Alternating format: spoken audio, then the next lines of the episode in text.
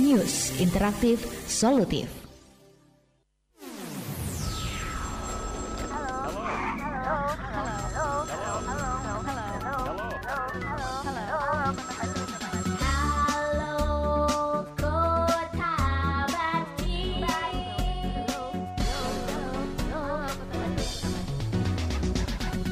Selamat pagi, terima kasih untuk kawan-kawan kita yang masih bergabung bersama saya Ella pagi hari ini jam 10 sampai jam 11 siang nanti. Kawan kita akan ngobrol bersama narasumber-narasumber kita yang sudah hadir di studio Radio Kota Batik ya. Di mana tema kita hari ini adalah peranan genre dalam menekan stunting di Kota Pekalongan. Di studio nanti kita akan ditemani dari Dinsos P2KB Kota Pekalongan, Dinas Kesehatan Kota Pekalongan, serta perwakilan dari Duta Genre Kota Pekalongan yang akan menemani kita di pagi hari ini. Pastikan tetap setia bersama kami. Sesaat lagi kawan kawan bisa ikuti selengkapnya untuk informasi yang bakal kita hadirkan di FM 91,2.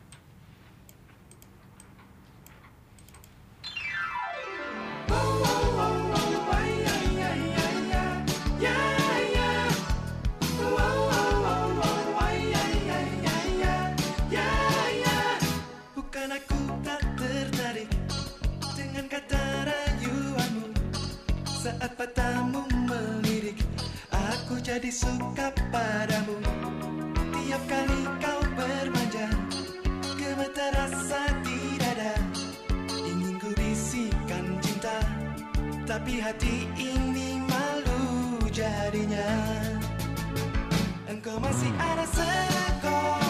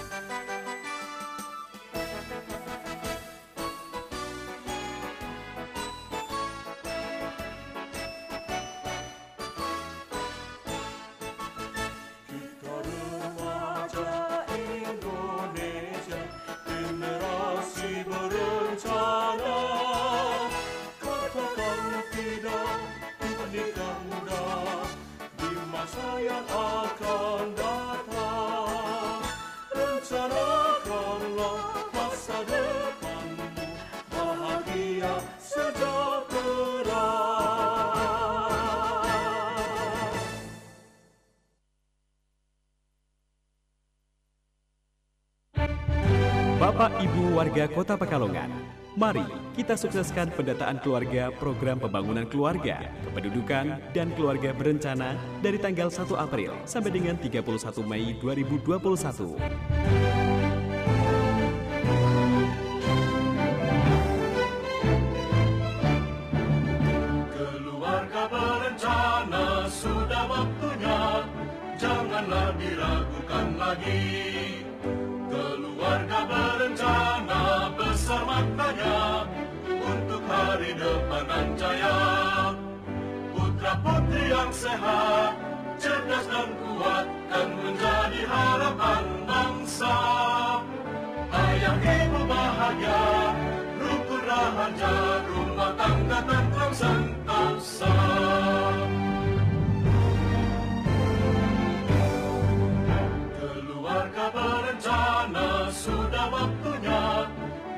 Janganlah diragukan lagi.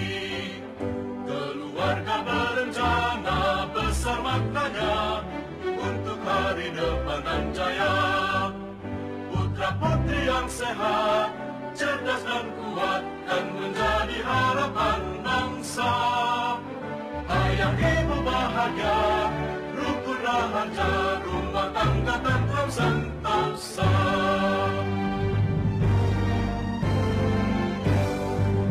Ayo ikut kami, dua anak lebih sehat. Berencana itu keren. Terima kasih Anda masih bersama kami FM 91,2 Radio Kota Batik. Disiarkan dari Jalan Kurinci 7 Pekalongan. Telepon 424 474 atau 428 900.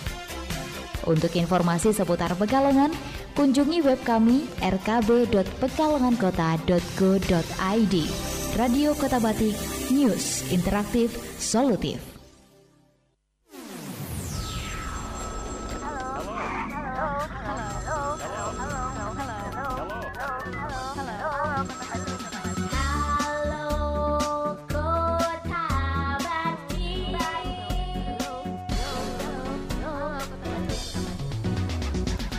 FM 91,2 Radio Kota Batik News Interaktif Solutif. Selamat pagi, kawan. Terima kasih untuk Anda yang masih bergabung di FM 91,2 pagi hari ini. Seperti yang kami informasikan, saatnya pagi ini kita akan ngobrol bersama narasumber-narasumber kita yang sudah hadir di studio Radio Kota Batik. Kita akan sapa satu persatu untuk pagi hari ini. Di studio sudah hadir ada Sekretaris Dinas Sosial Pengendalian Penduduk dan Keluarga Berencana, Bapak Nurholis. Selamat pagi, Pak Nurholis. Assalamualaikum. Waalaikumsalam warahmatullahi wabarakatuh. Salam sejahtera untuk kita semua. Semoga kita pada saat yang kami eh, COVID ini kita diberi kesehatan. Se- apa senangnya istilahnya rasehat, waras dan sehat. Iya. Oke. Baik, Pak Nurholis juga tidak sendirian ini. Ada kawan-kawan kita dari Dinas Kesehatan Kota Pekalongan, Kasih Keluarga dan Gizi Dinas Kesehatan Kota Pekalongan, Pak Ismanto. Assalamualaikum, Pak Ismanto. Waalaikumsalam warahmatullahi wabarakatuh. Selamat pagi juga pada pendengar radio setia RKB ya. Eh, semoga kita dalam masa pandemi ini kita tetap diberi kesehatan. Ya, salam germas, sehat, bugar, produktif. Iya, baik. Ya, di studio juga hadir untuk kawan-kawan kita. Ini ada Duta Genre Kota Pekalongan, Mas Alif Syahida. Selamat pagi, Assalamualaikum. Waalaikumsalam warahmatullahi wabarakatuh. Selamat pagi. Eh, tadi namanya Alif Syahdila ya. benar? Alif Syahdila. Iya, Oh, Syahdila. iya. Oke. Ya, kemudian juga ada Nur Gita Fitriana. Selamat pagi. Iya, selamat pagi. Waalaikumsalam, Mbak. Iya, bagaimana ingin menyapa pendengar dulu di rumah? Iya, semoga pendengar Radio Kota Batik selalu sehat dan bugar pastinya seperti yang tadi disampaikan Bapak-bapaknya ya. Iya, baik. Nah, pagi ini kita akan ngobrol tentang pencegahan stunting di Kota Pekalongan. Nah, mungkin kita ke leading sektornya dulu ini, Pak Nurholis bisa menjelaskan nih ya, Pak ya.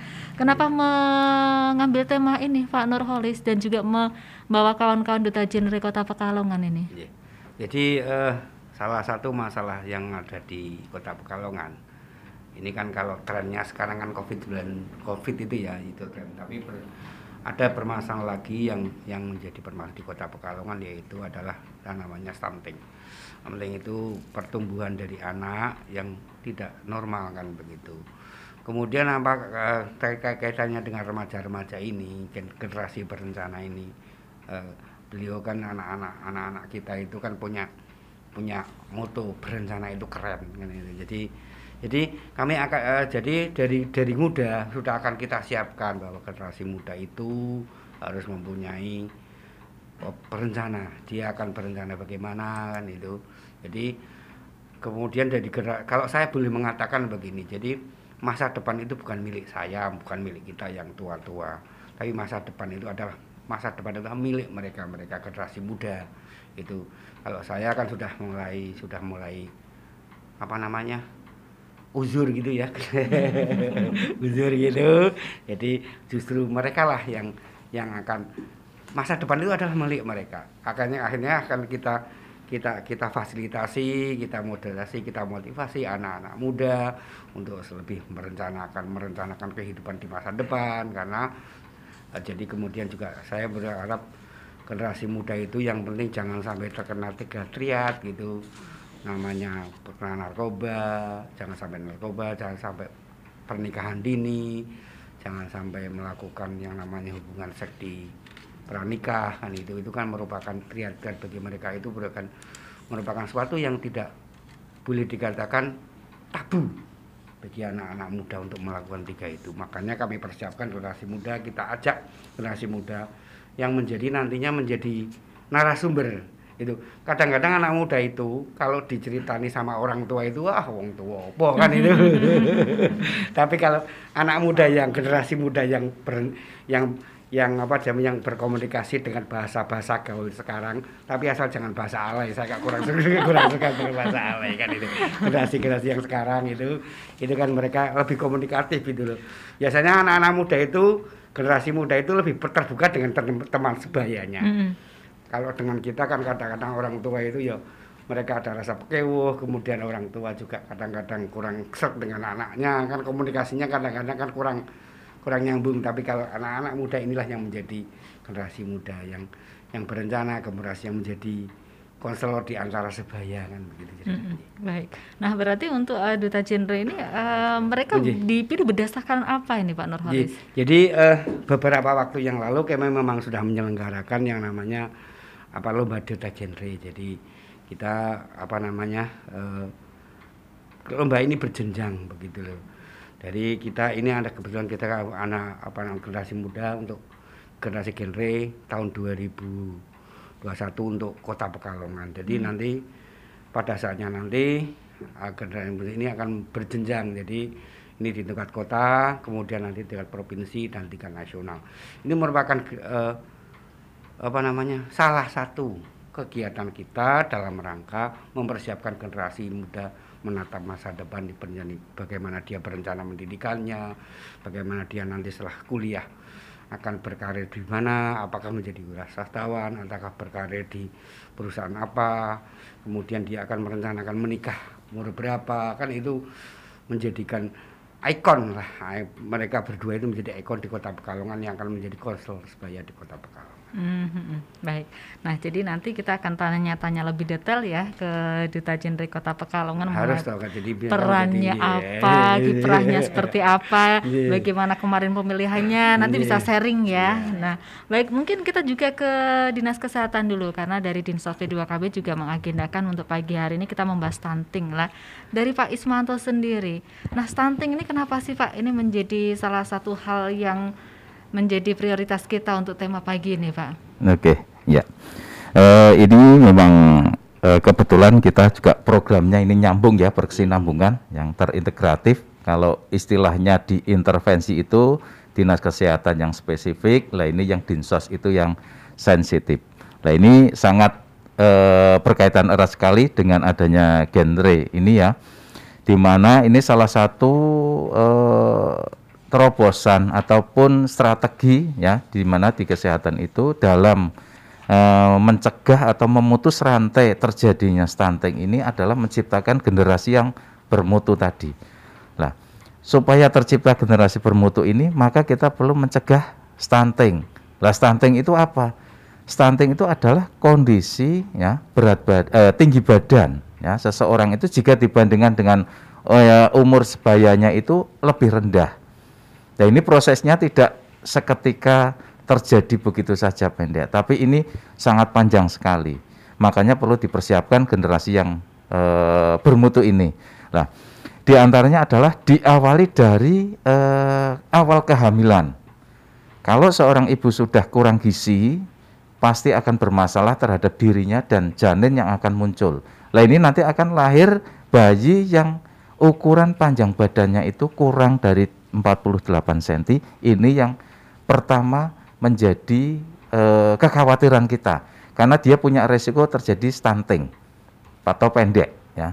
Nah, terus setelah eh, kehamilan itu ya, jadi diharapkan eh, dalam seribu hari pertama kehidupan itu anak mulai dari konsep kehamilan terus lahir eh, menjadi bayi ya sampai umur 2 tahun itu harus mendapatkan eh, asupan makanan yang adekuat atau yang bergizi tinggi karena digunakan untuk eh, pertumbuhan eh, bayi tersebut supaya bisa maksimal.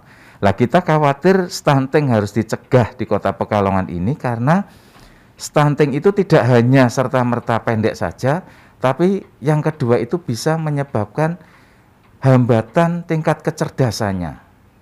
Jadi selain pendek, kecerdasannya kurang, terus yang ketiga itu gagal dalam metabolisme.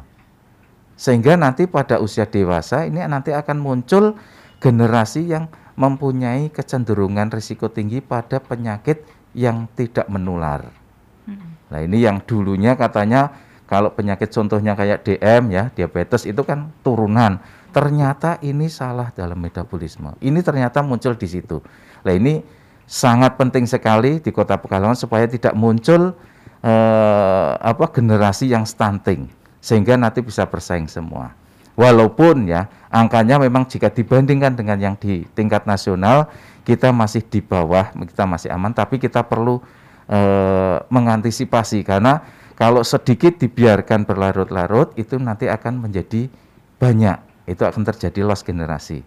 Untuk di Pekalongan mungkin perbandingannya karena 9,42 persen itu berarti kalau dari 100 anak ya kurang lebihnya antara 9 atau 10 anak yang uh, stunting. Lah ini yang perlu kita uh, waspadai. Yeah. Hmm. Mungkin itu yang dapat kami sampaikan. Iya, kenapa itu menjadi uh, prioritas kita untuk pembahasan di pagi hari ini ya Pak Ismanto ya. Nah, mungkin kita ke kawan-kawan genre dulu ini. Kita sapa dulu untuk uh, kawan kita Mas Alif, Mbak Kita. Mbak Gita, iya. Mbak Nur Gita Fitriana dipanggil Mbak Gita ya. Iya, betul. Nah, ya, mungkin bisa cerita sedikit ini untuk saat ini kiprah yang sudah diberikan ke kawan-kawan mengenai pencegahan stunting di Kota Pekalongan seperti apa ini? Monggo Mbak Gita dulu, Mas Alif dulu silahkan. Mas Alif silahkan Mas Iya, Alif. terima kasih eh, Mbak. Mungkin eh, selama kita sudah menjadi duta genre ada beberapa hal yang juga sudah kita soroti dan lakukan bersama Mhm. bersama teman-teman Forgen Pekalongan juga. Jadi ada yang namanya Forum Genre Kota Pekalongan. Nah, di sini juga teman-teman menaungi menaungi berbagai PIK di daerah asal. Nah, PIK ini merupakan pusat informasi dan konseling remaja. Nah, dari situ kita ada program eh, 30 Days Challenge. Jadi kita melakukan sosialisasi di 30 tempat berbeda dengan 30 audiens yang berbeda juga. Nah, di sini kita juga gemar eh, apa ya? eh, menggencarkan yang namanya juga pencegahan stunting. Nah, di situ kita juga apa memberikan pengertian, sosialisasi dan edukasi. Bahkan pada orang tuanya juga kita berikan edukasi juga. Hmm. Betul, kita dalam menjalankan tadi program 30 Days Challenge ya, kita mensosialisasikan dan menggencarkan untuk upaya pencegahan stunting karena ke depannya sendiri kan ad- akan ada kita menghadapi puncak bonus demografi Iya. di mana usia produktif lebih banyak daripada usia non produktif. Nah, untuk kita sendiri untuk uh, lebih fokus ke lima transisi kehidupan di remaja ya, yaitu yang pertama bisa melanjutkan untuk belajar, lalu mencari pekerjaan, lalu melanjutkan untuk berencana keluarga sesuai dengan tagline BKKBN, menciptakan keluarga yang berkualitas dan pastinya di umur 21 dan 25. Ya, selanjutnya remaja bisa menjadi anggota masyarakat dan menerapkan hidup sehat seperti itu. Iya, berarti selama ini untuk eh, kegiatan seperti ini karena di masa pandemi, ini bentuknya seperti apa di lapangan? Iya, kita sosialisasinya semi, Mbak. Jadi kalau pas offline terbatas paling lima orang dan itu orang terdekat aja. Tapi kalau semisal seminar nasional itu biasanya eh, di offline seperti itu. Iya. Iya. Nah, kalau melihat angka ataupun juga jumlah kasus stunting di Kota Pekalongan, menurut Mbak Gita Mas Alif seperti apa? Ya, menurut saya hal ini juga tidak lepas dari peran keluarga ya untuk eh, mengencarkan juga pengetahuan tentang stunting di kalangan keluarga. Nah, salah satunya adalah edukasi kepada ibu hamil tentang pemenuhan gizi dan segala macam. Nah, eh, data di Pekalongan menyebutkan bahwa pelayanan kesehatan eh, anak atau bayi itu tahun 2019 menurun kalau dibandingkan tahun 2018. Ini data saya ambil dari profil kesehatan Kota Pekalongan, Pak Ismanto mohon izin itu menurun eh, sebanyak 0,3 persen. Nah, tentunya ini juga menjadi catatan untuk pemerintah eh, supaya bisa meningkatkan pelayanan berbagai eh, stakeholder sehingga nantinya bisa apa eh, mengupayakan berbagai macam pencegahan stunting yang lebih eh, baik. Gitu. Mm-mm. Mbak Gita juga menambahkan mengenai jumlah angka kasus di Kota Pekalongan. Ya, itu menjadi salah satu sorotan ya untuk tugas kita juga untuk mensosialisasikan ke remaja. Pastinya yang pertama kita juga harus menerapkan ke diri kita sendiri untuk hidup sehat dan untuk olahraga. Apalagi masa pandemi seperti ini harus uh, plus-plus menjaga kesehatannya Ya, seperti itu. Iya, baik. Nah, sepertinya semakin seru saja obrolan kita di pagi hari ini. Mungkin nanti kita lebih in-depth lagi ya untuk pembahasan mengenai stunting di Kota Pekalongan. Kita break dulu sebentar. Setelah itu kita akan lanjutkan. Nah, kawan silahkan ada waktu juga untuk kawan-kawan bisa bergabung di pagi hari ini. Manfaatkan SMS atau WA Center kita di 0855420912 atau bisa langsung di 424474. Kita akan kembali sesaat lagi setelah komersial break berikut ini. FM 91,2 Radio Kota Batik. News interaktif solutif.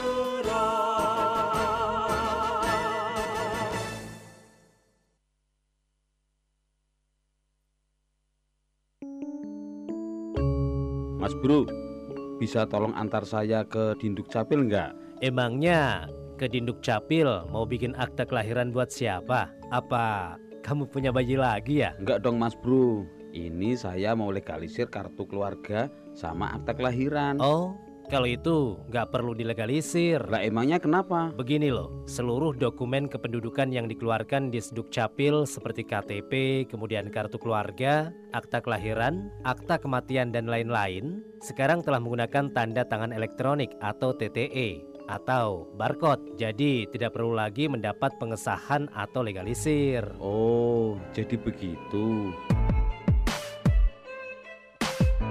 Dengan penerapan TTE, maka penandatanganan dokumen kependudukan tidak lagi harus menunggu pejabat terkait dan bisa dilakukan di mana dan kapan saja dengan menggunakan gadget yang sudah terhubung dengan aplikasi SIAK pada server di Dukcapil. Berdasarkan peraturan Menteri Dalam Negeri nomor 104 tahun 2019 tentang pendokumentasian administrasi kependudukan pasal 19 ayat 6 seluruh dokumen kependudukan yang dikeluarkan di Dukcapil menggunakan tanda tangan elektronik atau TTE atau barcode tidak perlu lagi mendapat pengesahan atau legalisir. Dan per 1 Agustus 2020 untuk penerbitan semua dokumen kependudukan oleh Dinas Kependudukan dan Pencatatan Sipil Kota Pekalongan, pencetakannya sudah tidak lagi menggunakan belangko. Akan tetapi, menggunakan kertas putih biasa ukuran A4 80 gram. Pesan layanan masyarakat ini disampaikan oleh Dinduk Capil Kota Pekalongan.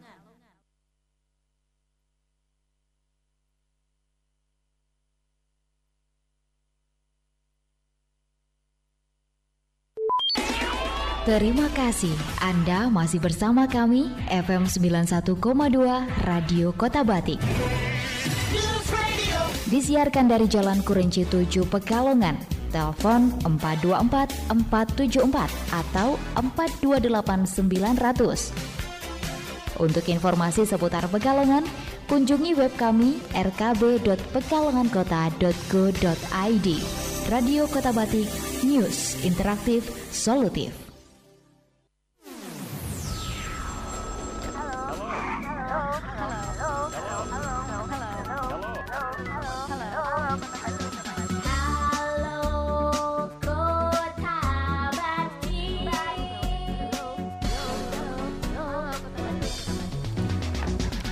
Selamat pagi, terima kasih untuk kawan-kawan kita yang masih bergabung di perjalanan Halo Kota Batik pagi hari ini. Kita masih ngobrol seputar pencegahan stunting di Kota Pekalongan serta peranan genre dalam menekan stunting yang ada di kota kita.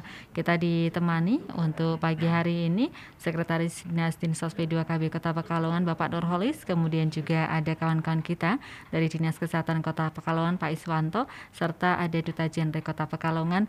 Untuk pagi hari ini hadir juga di studio Radio Kota Batik kita ditemani Mas Alif Sahdila dan Mbak Nurikita Fitriana. Baik, mungkin kita ke Pak Nurholis lagi ini.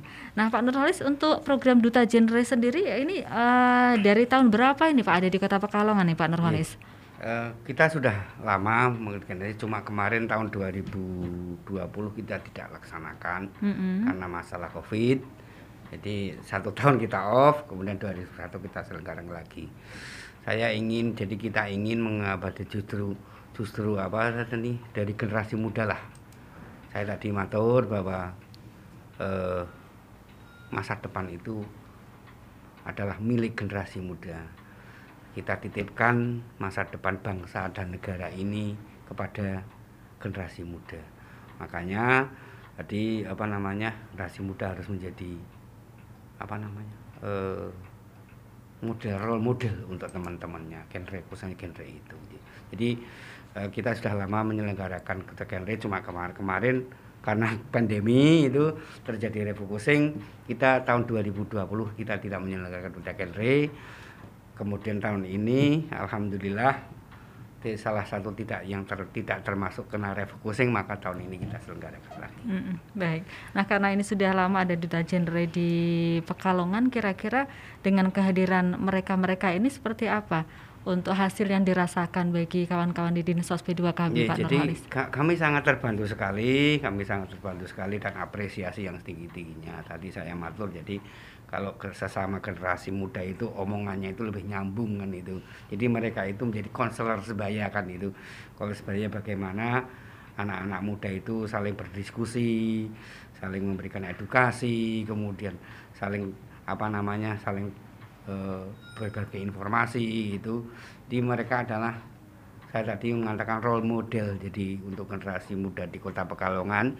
Kemudian juga mereka menjadi kita bekali dengan tadi eh, kita bekali dengan dari dinas kesehatan menjadi narasumber untuk anak-anak generasi muda, kemudian dari pariwisata, kemudian dari kita sendiri eh, di Sosmed 2KB. Jadi kita bekali mereka dengan pengetahuan pengetahuan praktis yang bisa dilakukan oleh menjadi konselor sebaya bagi mereka. Mhm. Jadi kami sangat terbantu sekali. Kami sangat terbantu sekali dan apresiasi yang tinggi tingginya. Ada delegasi muda, kemudian apa namanya, Mas? Eh, forum Forgen, Forgen, Forgen, forum generasi eh, generasi berencana. Jadi mereka-mereka yang eh, yang menjadi peserta, menjadi kemarin ada peserta ada berapa Mas kemarin Mas? Kemarin peserta yang seleksi ada lima puluh lima puluhan. Jadi itu lima puluhan itu otomatis menjadi anggota kita. Hmm. Jadi juara soal juara soal tidak itu bukan bukan bukan bukan tujuan, tapi mereka hanya yang menjadi yang menjadi tujuan kita adalah mereka yang generasi muda menjadi konselor sebaya, menjadi narasumber, menjadi konselor sebaya, jadi mereka mereka. Jadi kami sangat terbantu sekali. Oh Pak kemarin yang daftar 50 kok yang dia kebetulan yang juara itu anak kita berdua itu bukan masalah karena memang juara itu bukan bukan bukan tujuan tapi mereka kita akan merekrut generasi muda sebanyak banyaknya untuk menjadi duta genre di lingkungan masing-masing di baik lingkungan sekolah lingkungan keluarga lingkungan lingkungan universitas itu baik di lingkungan di bidang pendidikan maupun di lingkungan yang lain Hmm, hmm, hmm, baik. Nah untuk tugas mereka sendiri, kalau ini kan mungkin ke pencegahan stunting ya, Iya. mungkin yang lain-lainnya apa ini Pak Nurholis? Jadi, jadi eh, di samping kita tadi karena kita eh, keterkaitan dengan something itu juga mereka menjadi narasumber. Kemudian tadi saya matur generasi muda itu jangan sampai melakukan tiga tadi tadi. Jadi Mhm. mereka menjadi generasi muda yang menjadi tidak terkena narkoba, kemudian tidak melakukan pernikahan dini. Bukan menikah dengan dini ya, kan beda kan itu. Beda Bukan, arti ya. Iya kan gitu. Kalau, kalau menikah de- tidak menikah dengan dini berarti apa namanya nanti anak-anak yang anak cewek-cewek yang namanya dini tak boleh dini dinikahi kan gitu. Maksudnya pernikahan dini. Kemudian kemudian yang satu lagi diberi seks bebas itu merupakan apa namanya tabu bagi kita untuk khususnya untuk generasi muda yang akan datang. Hmm, oke, baik. Nah, Mbak Dita, Mas Alif, kira-kira ada beban tersendiri tidak sih untuk menjalankan tugas-tugas ini, Mas Alif, Mbak Dita? Baik, kalau beban enggak ya Mbak ya, karena memang sudah menjadi tugas untuk kita. Mungkin hambatan-hambatan ada, apalagi masih pandemi seperti ini. Kita tugasnya sosialisasi, berdiskusi, namun terhalang oleh ya pandemi seperti ini. Jadi kalau secara online kan mungkin kurang maksimal gitu ya. Itu sih mungkin Mbak. Nah, kalau Mas Alif? Iya, eh, sama seperti Mbak Gita. Saya tidak menjadikan ini sebagai beban, Mbak, tapi sudah menjadi komitmen untuk kita bersama. Eh, kita sudah niat untuk mendaftar di Duta Genre, kita sudah apa? mau merelakan waktu, jadi kita juga harus komitmen kepada apa? eh, tugas dan wewenang yang nantinya kita akan laksanakan gitu. sih. Iya. Apa yang melatar belakangi keinginan Mbak Dita dan Mas Alif untuk jadi duta, duta genre ini? Ya, ef- definisi seorang duta itu kan adalah seorang penjembatan, penjembatan antara eh, dinas dan instansi tertentu kepada masyarakat langsung. Nah, hal ini juga eh, saya ingin, saya juga sering ikut kegiatan sosial bersama Mbak Gita, makanya kita lebih ingin eh, apa ya, menyebarkan virus-virus positif ini kepada. Iya, bukan COVID ya, tapi virus-virus positif eh, kebaikan gitu pada generasi muda di Kota Pekalongan. Iya, kalau Mbak Dita sendiri. Iya, sama sih sebetulnya ingin apa ya lebih terjun ke masyarakat juga. Karena saya sama Salif memang sering banget ikut sosialisasi seperti itu di kampus. Kok ada lomba duta genre, wah kayaknya asik nih. Juga kita lumayan suka belajar ya, Mbak. nah, itu kita pengen belajar lebih dalam lagi apalagi tentang permasalahan remaja. Kita itu duta genre anti triad KRR yaitu tiga permasalahan inti dari remaja. Yang pertama pernikahan dini, seks pranikah, dan nafsa gitu. Iya, yang tadi sudah disebutkan Pak Oleh Pak Nur, tadi. betul. Iya, jadi eh, ini ya apa eh, kalau untuk Mbak Dita dan Mas Alif sendiri ini ketika maju ke duta genre ini kira-kira ada target apa? Kalau target banyak sih mbak, Heeh. karena yang pertama kita juga mengikuti agenda dari Dinsos Mm-mm. eh, seperti ini di kunjungan di radio dan beberapa kegiatan lainnya.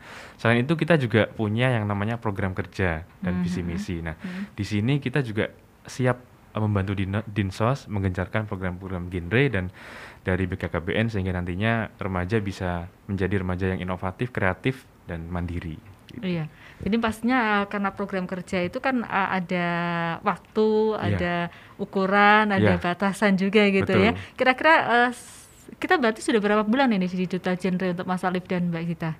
Kebetulan jabatan kita eh, menjadi duta genre itu setahun mbak. Satu tahun ya, dan Iya. ini sudah berjalan berapa bulan? Ini sudah berjalan kurang lebih tiga bulan ya. Tiga bulan. Tiga bulan Eh, apa dua bulan?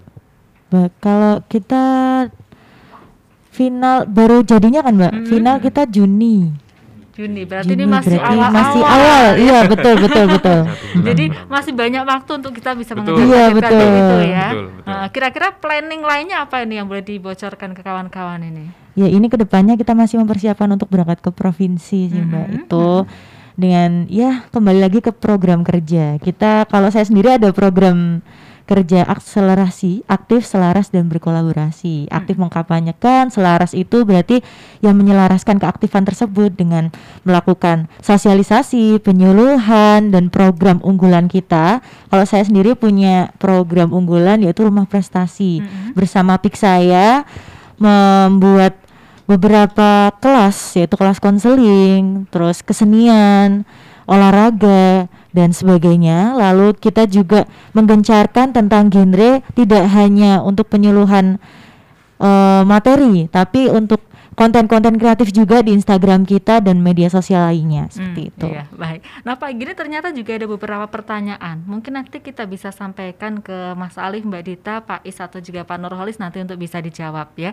Nah, kita akan beri sebentar, kita geser dulu ke kawan-kawan di ruang gatekeeper, kita jumpai Tri di sana dengan informasinya. Silakan Tri, ada perkembangan apa di pagi hari ini? Iya, Ella dan juga kawan, kali ini informasi untuk Anda, pemerintah Kota Pekalongan mengusulkan sejumlah pelaku usaha mikro kecil menengah UMKM agar mendapatkan bantuan dari pemerintah supaya bisa berkembang di tengah pandemi COVID-19 dan juga eh, pemberlakuan pembatasan kegiatan masyarakat atau PPKM.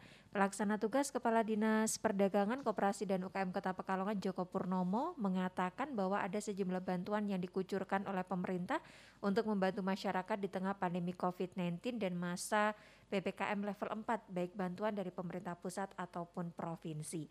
Sementara untuk informasi lain saya lansir dari suaramerdeka.com di mana Komite Olahraga Nasional Indonesia atau KONI Kebumen terancam tidak memiliki sekretariat kembali. Hal ini setelah Pemkap Kebumen eh, mengusir KONI dari kompleks Stadion Chandra di Muka Kebumen. Tanpa melalui komunikasi terlebih dahulu, Pemkap Kebumen melayangkan surat resmi kepada Ketua KONI Kebumen. Dalam surat perihal pemeliharaan Stadion Chandra di Muka Kebumen yang ditandatangani oleh Sekda Kebumen H. Ahmad Ujang Sugiono tertanggal 21 Juli 2021, Ketua KONI diminta untuk menggunakan tempat atau lokasi lain sebagai sekretariat. Ella. Ya baik, terima kasih informasinya Tri di pagi hari ini. Terima kasih juga untuk kawan-kawan kita yang sudah bergabung, Mbak Fitri di Jenggot, kemudian Mbak Hani di Buaran, Pak Ari di Binagria.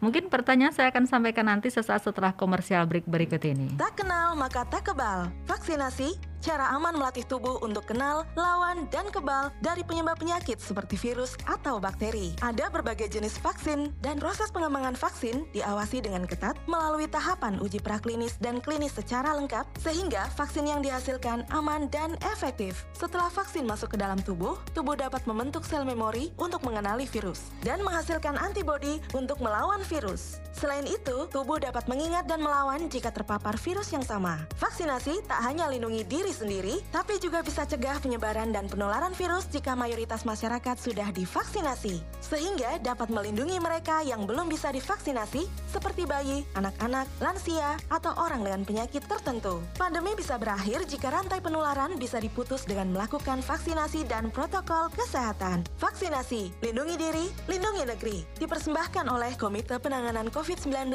dan Pemulihan Ekonomi Nasional dan Kominfo. Jeng Rita, pagi-pagi sudah berangkat? Mau show di mana? Iya, Jeng Alni, ada acara resepsi perkawinan nih. Loh, mau show kok masih berantakan gitu? Apa iya, Jeng? Apa di rumah ndak ada cermin? Di rumah sih ada cermin, cuma kecil, kaca spion. Sini-sini Jeng, tak liatin punyaku. Ini yang namanya standing vanity mirror, cermin ukuran satu badan dengan posisi berdiri yang dilengkapi lampu-lampu mengelilingi cermin. Sehingga Jeng Rita bisa lihat badan Jeng secara utuh dari kepala hingga kaki dengan jelas. Wah, bagus sekali. Jeng Ali bikin sendiri ya? Ya enggak lah. Saya beli di Pekalongan aja, Jeng, di toko kaca hasil yang memang spesialis produksi macam-macam stylus mirror, Jeng. Desainnya bagus-bagus, mengikuti selera milenial maupun ibu rumah tangga yang punya selera gaya. Pokoknya cucok lah, Jeng. Wah, kalau begitu nanti selesai kerja, saya mampir ke toko kaca hasil. Oke, Jeng, saya berangkat dulu ya. Hati-hati, Jeng Rita. Salam buat Mas Firman ya.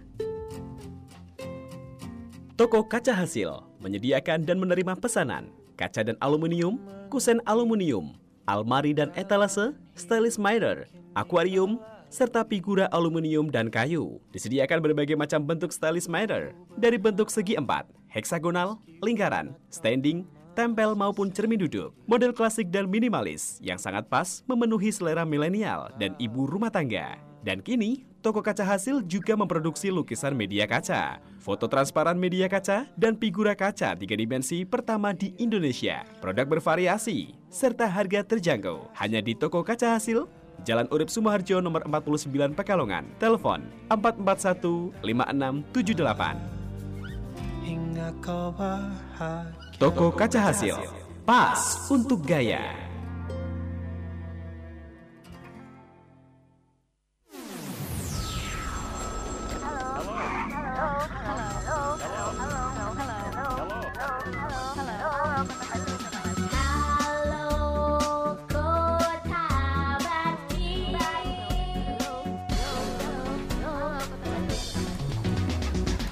Selamat pagi kawan, terima kasih masih bersama saya Ella menemani Anda di Kota Batik pagi hari ini. Kita masih membahas tentang peranan genre dalam menekan stunting di Kota Pekalongan bersama narasumber-narasumber kita yang hadir di studio Radio Kota Batik.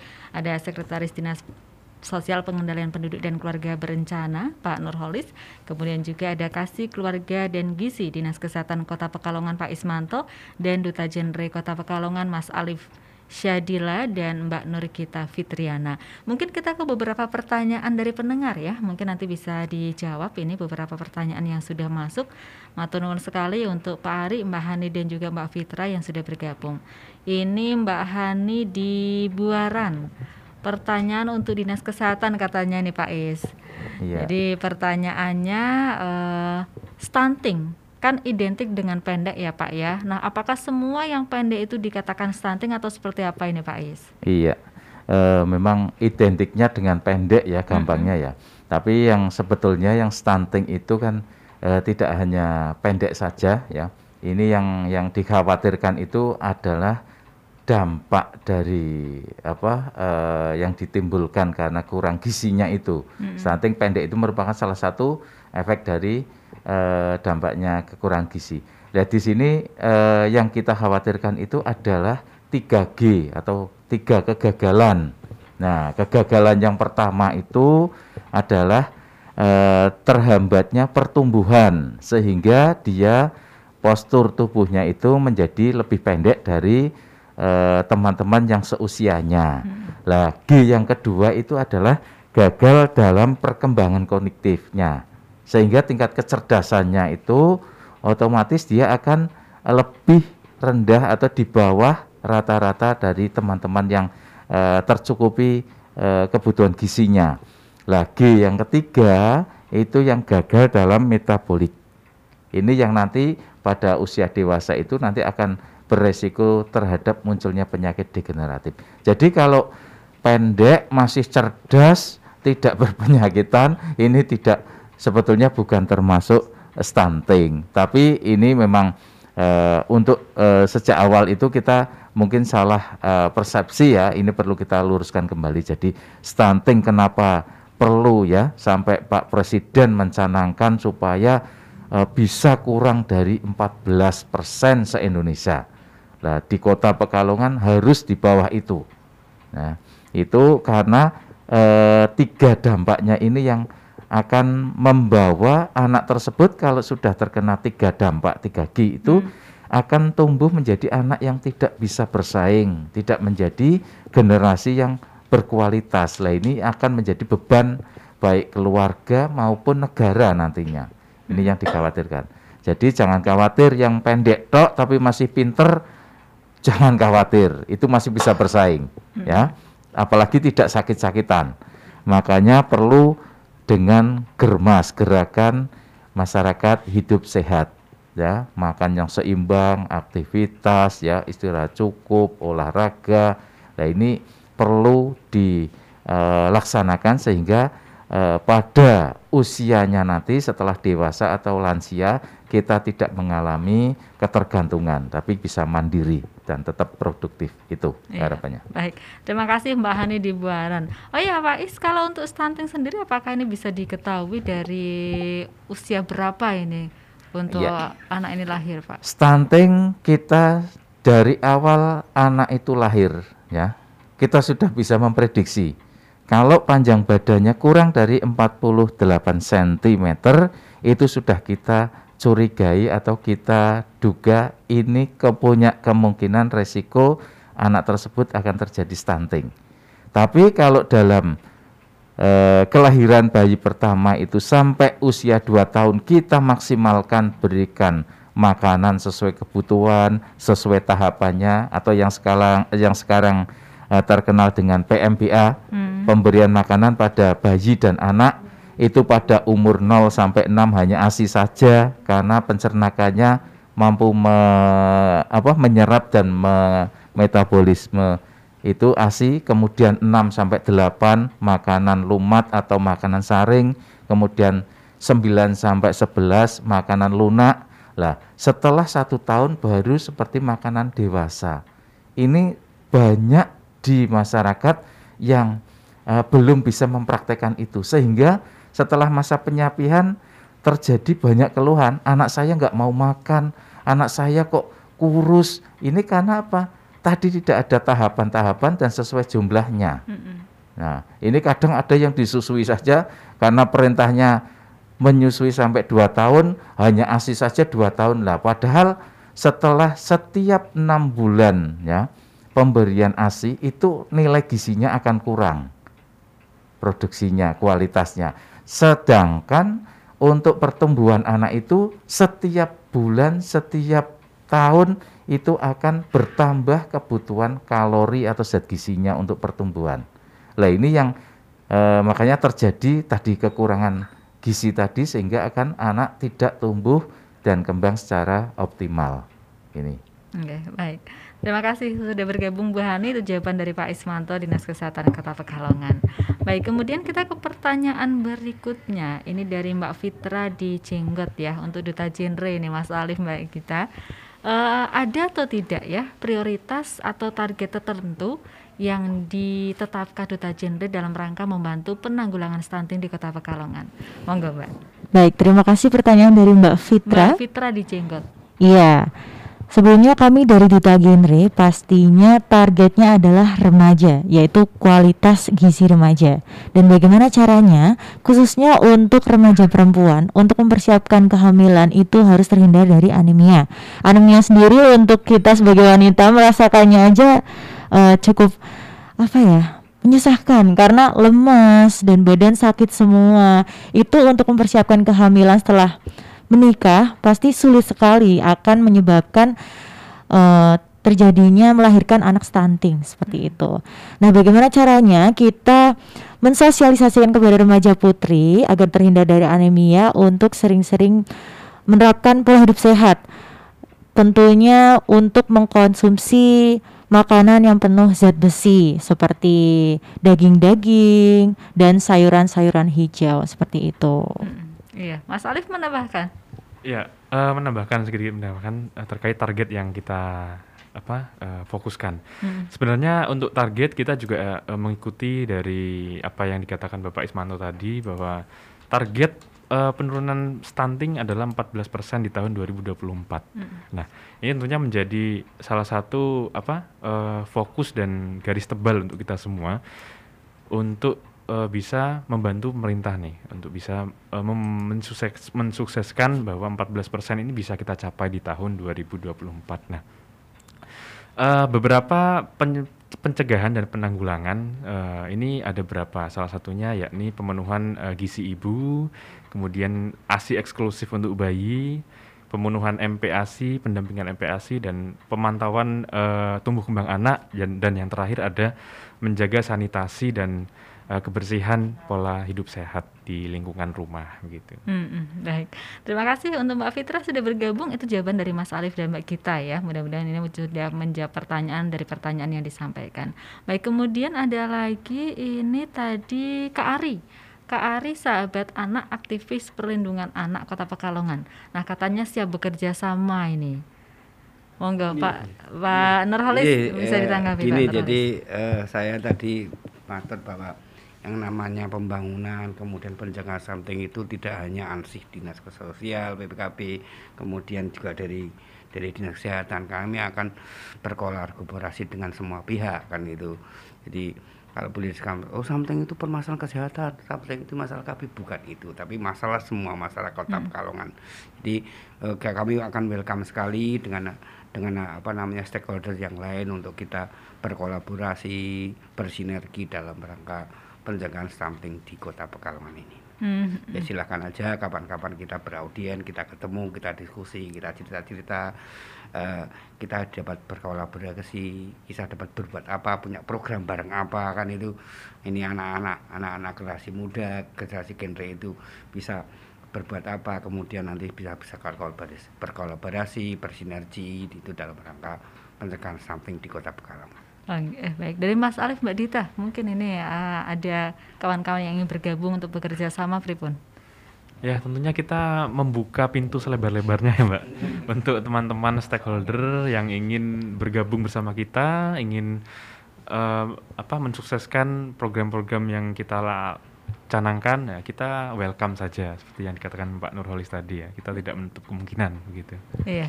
Iya betul setuju banget ya apalagi sesuai dengan program kerja saya ada tadi aktif selaras dan berkolaborasi pastinya membuka untuk teman-teman semua masyarakat Pekalongan yang mau gabung bareng kita malah seneng banget ya karena kita bisa tambah relasi dan tambah tempat untuk bersosialisasi juga seperti itu. Iya saat ini yang sudah bekerja sama mungkin eh, apa saja selain tadi ada forum generasi berencana gitu ya Iya, kita ber- berkolaborasi dengan banyak ya sekolah-sekolah, SMK-SMK di Pekalongan, universitas, PIK masyarakat dan PIK mahasiswa Iya, seperti itu. Komunitas juga.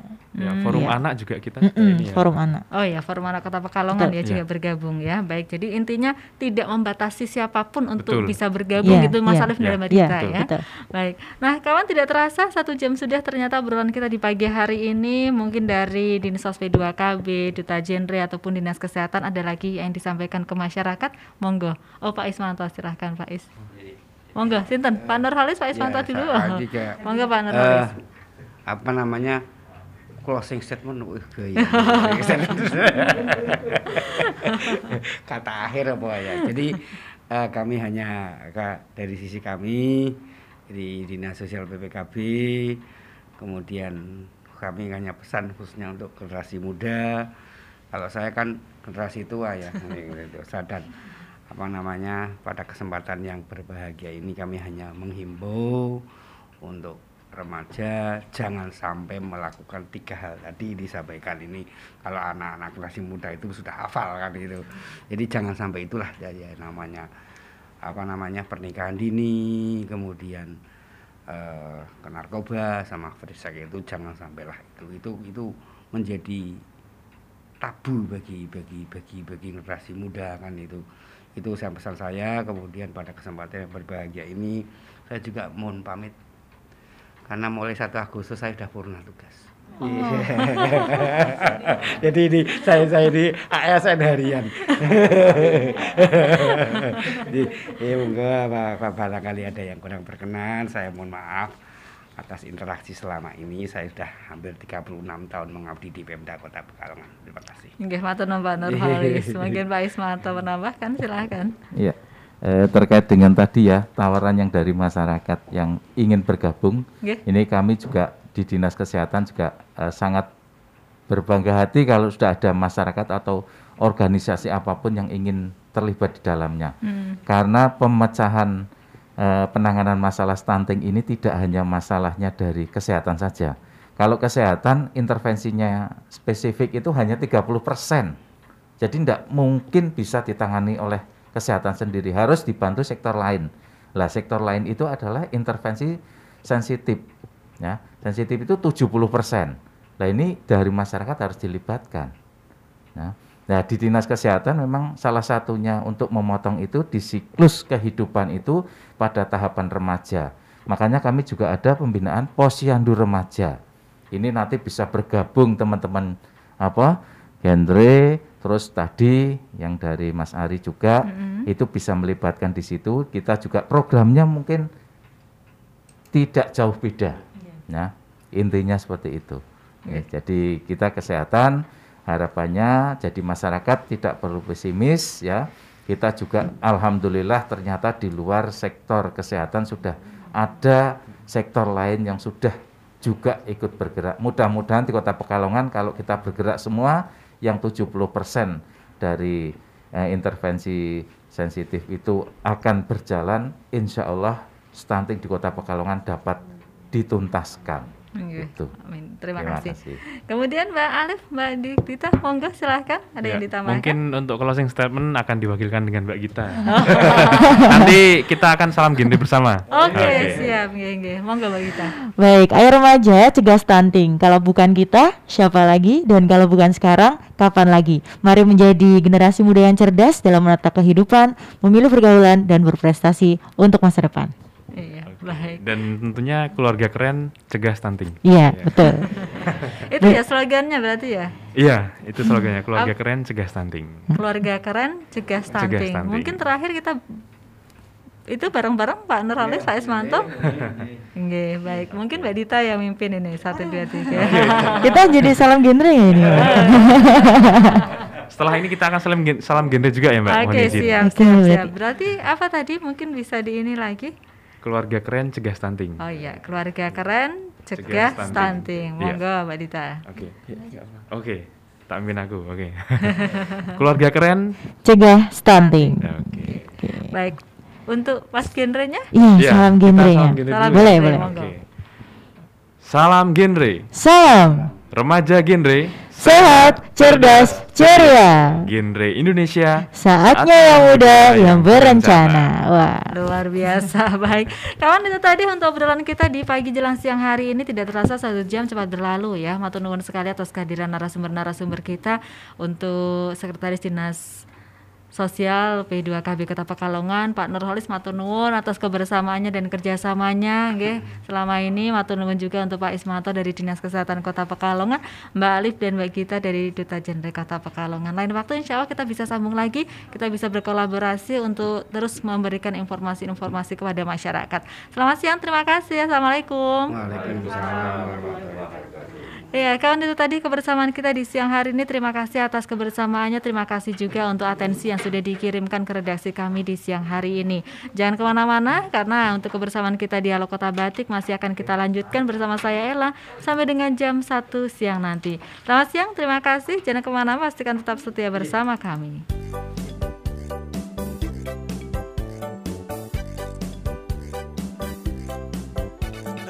FM 91,2